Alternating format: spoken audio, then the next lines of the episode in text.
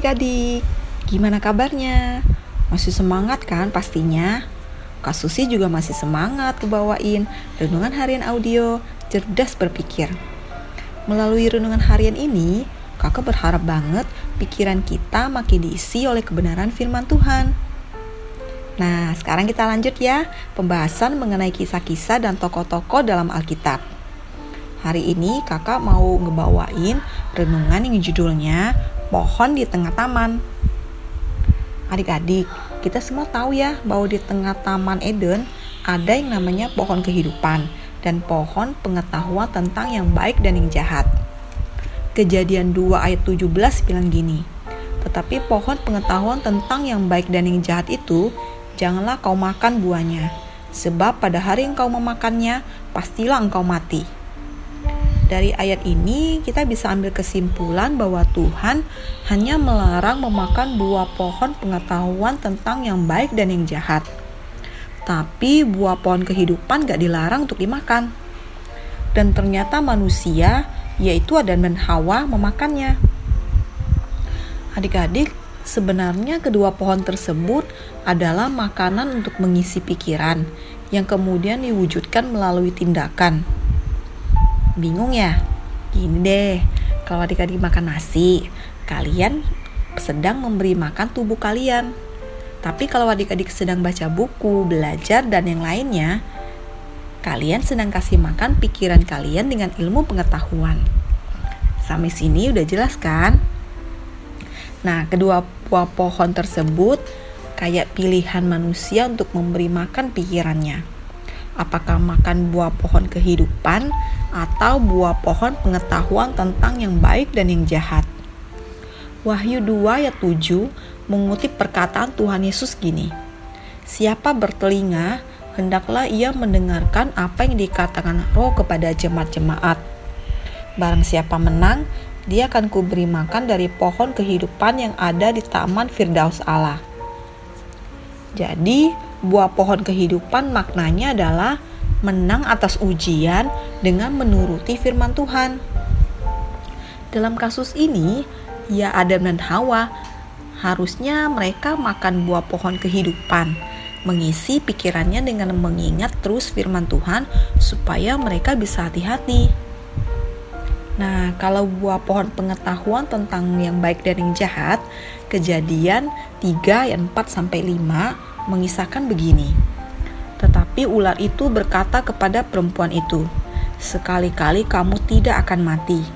Tetapi Allah mengetahui pada waktu kamu memakannya, matamu akan terbuka dan kamu akan menjadi seperti Allah, tahu tentang yang baik dan yang jahat. Jadi, buah pohon pengetahuan tentang yang baik dan yang jahat adalah lambang dari bisikan dusta dari si jahat bahwa manusia bisa menjadi seperti Allah dengan caranya sendiri. Manusia boleh hidup suka-suka sendiri. Dan ternyata manusia menginginkan hal itu, lalu memakan buah pohon tersebut. Yang artinya manusia lebih memilih mengisi pikirannya dengan dusta dari si jahat ketimbang kebenaran dari Tuhan. Adik-adik, Tuhan bukannya gak mau supaya manusia tahu apa yang baik dan yang jahat. Tuhan mau supaya manusia tahu hal tersebut.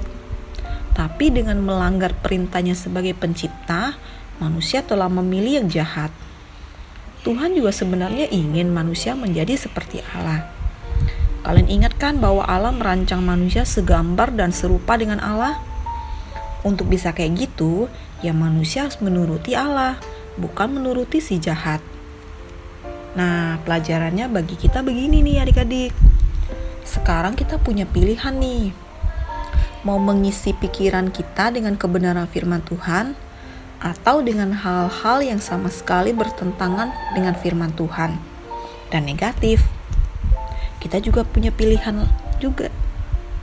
Mau hidup suka-suka sendiri atau menuruti firman Tuhan. Pilihan ada di tangan kita masing-masing ya adik-adik bagi yang pengen memilih melakukan firman Tuhan dan mengisi pikiran dengan hal-hal yang baik dan benar, kakak mau ucapin selamat buat adik-adik. Karena itu adalah pilihan yang sangat tepat. So, yuk kita sungguh-sungguh dalam memahami kebenaran firman Tuhan serta melakukannya. Kita harus belajar dari kesalahan Adam dan Hawa. Yuk kita berdoa. Tuhan Yesus yang baik, terima kasih untuk firman-Mu hari ini.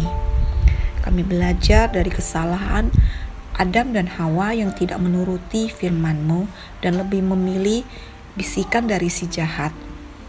Tuhan, tolong kami ya, supaya kami selalu bisa mengisi pikiran kami dengan hal-hal yang baik, yang membangun, dan yang membuat kami semakin mengenal Engkau, yaitu mengisi hidup kami dengan firman-Mu. Karena kami tahu firman-Mu adalah kebenaran yang menuntun hidup kami kepada hal-hal yang baik. Mampukan kami ya Tuhan untuk melakukan firman-Mu senantiasa dan menyenangkan hatimu. Terima kasih Tuhan. Dalam nama Tuhan Yesus Kristus kami berdoa dan mengucap syukur. Haleluya. Amin. Oke, tetap sehat, tetap semangat, dan tetap jadi berkat. Dan jangan lupa bahagia ya. Tuhan Yesus memberkati. Dadah.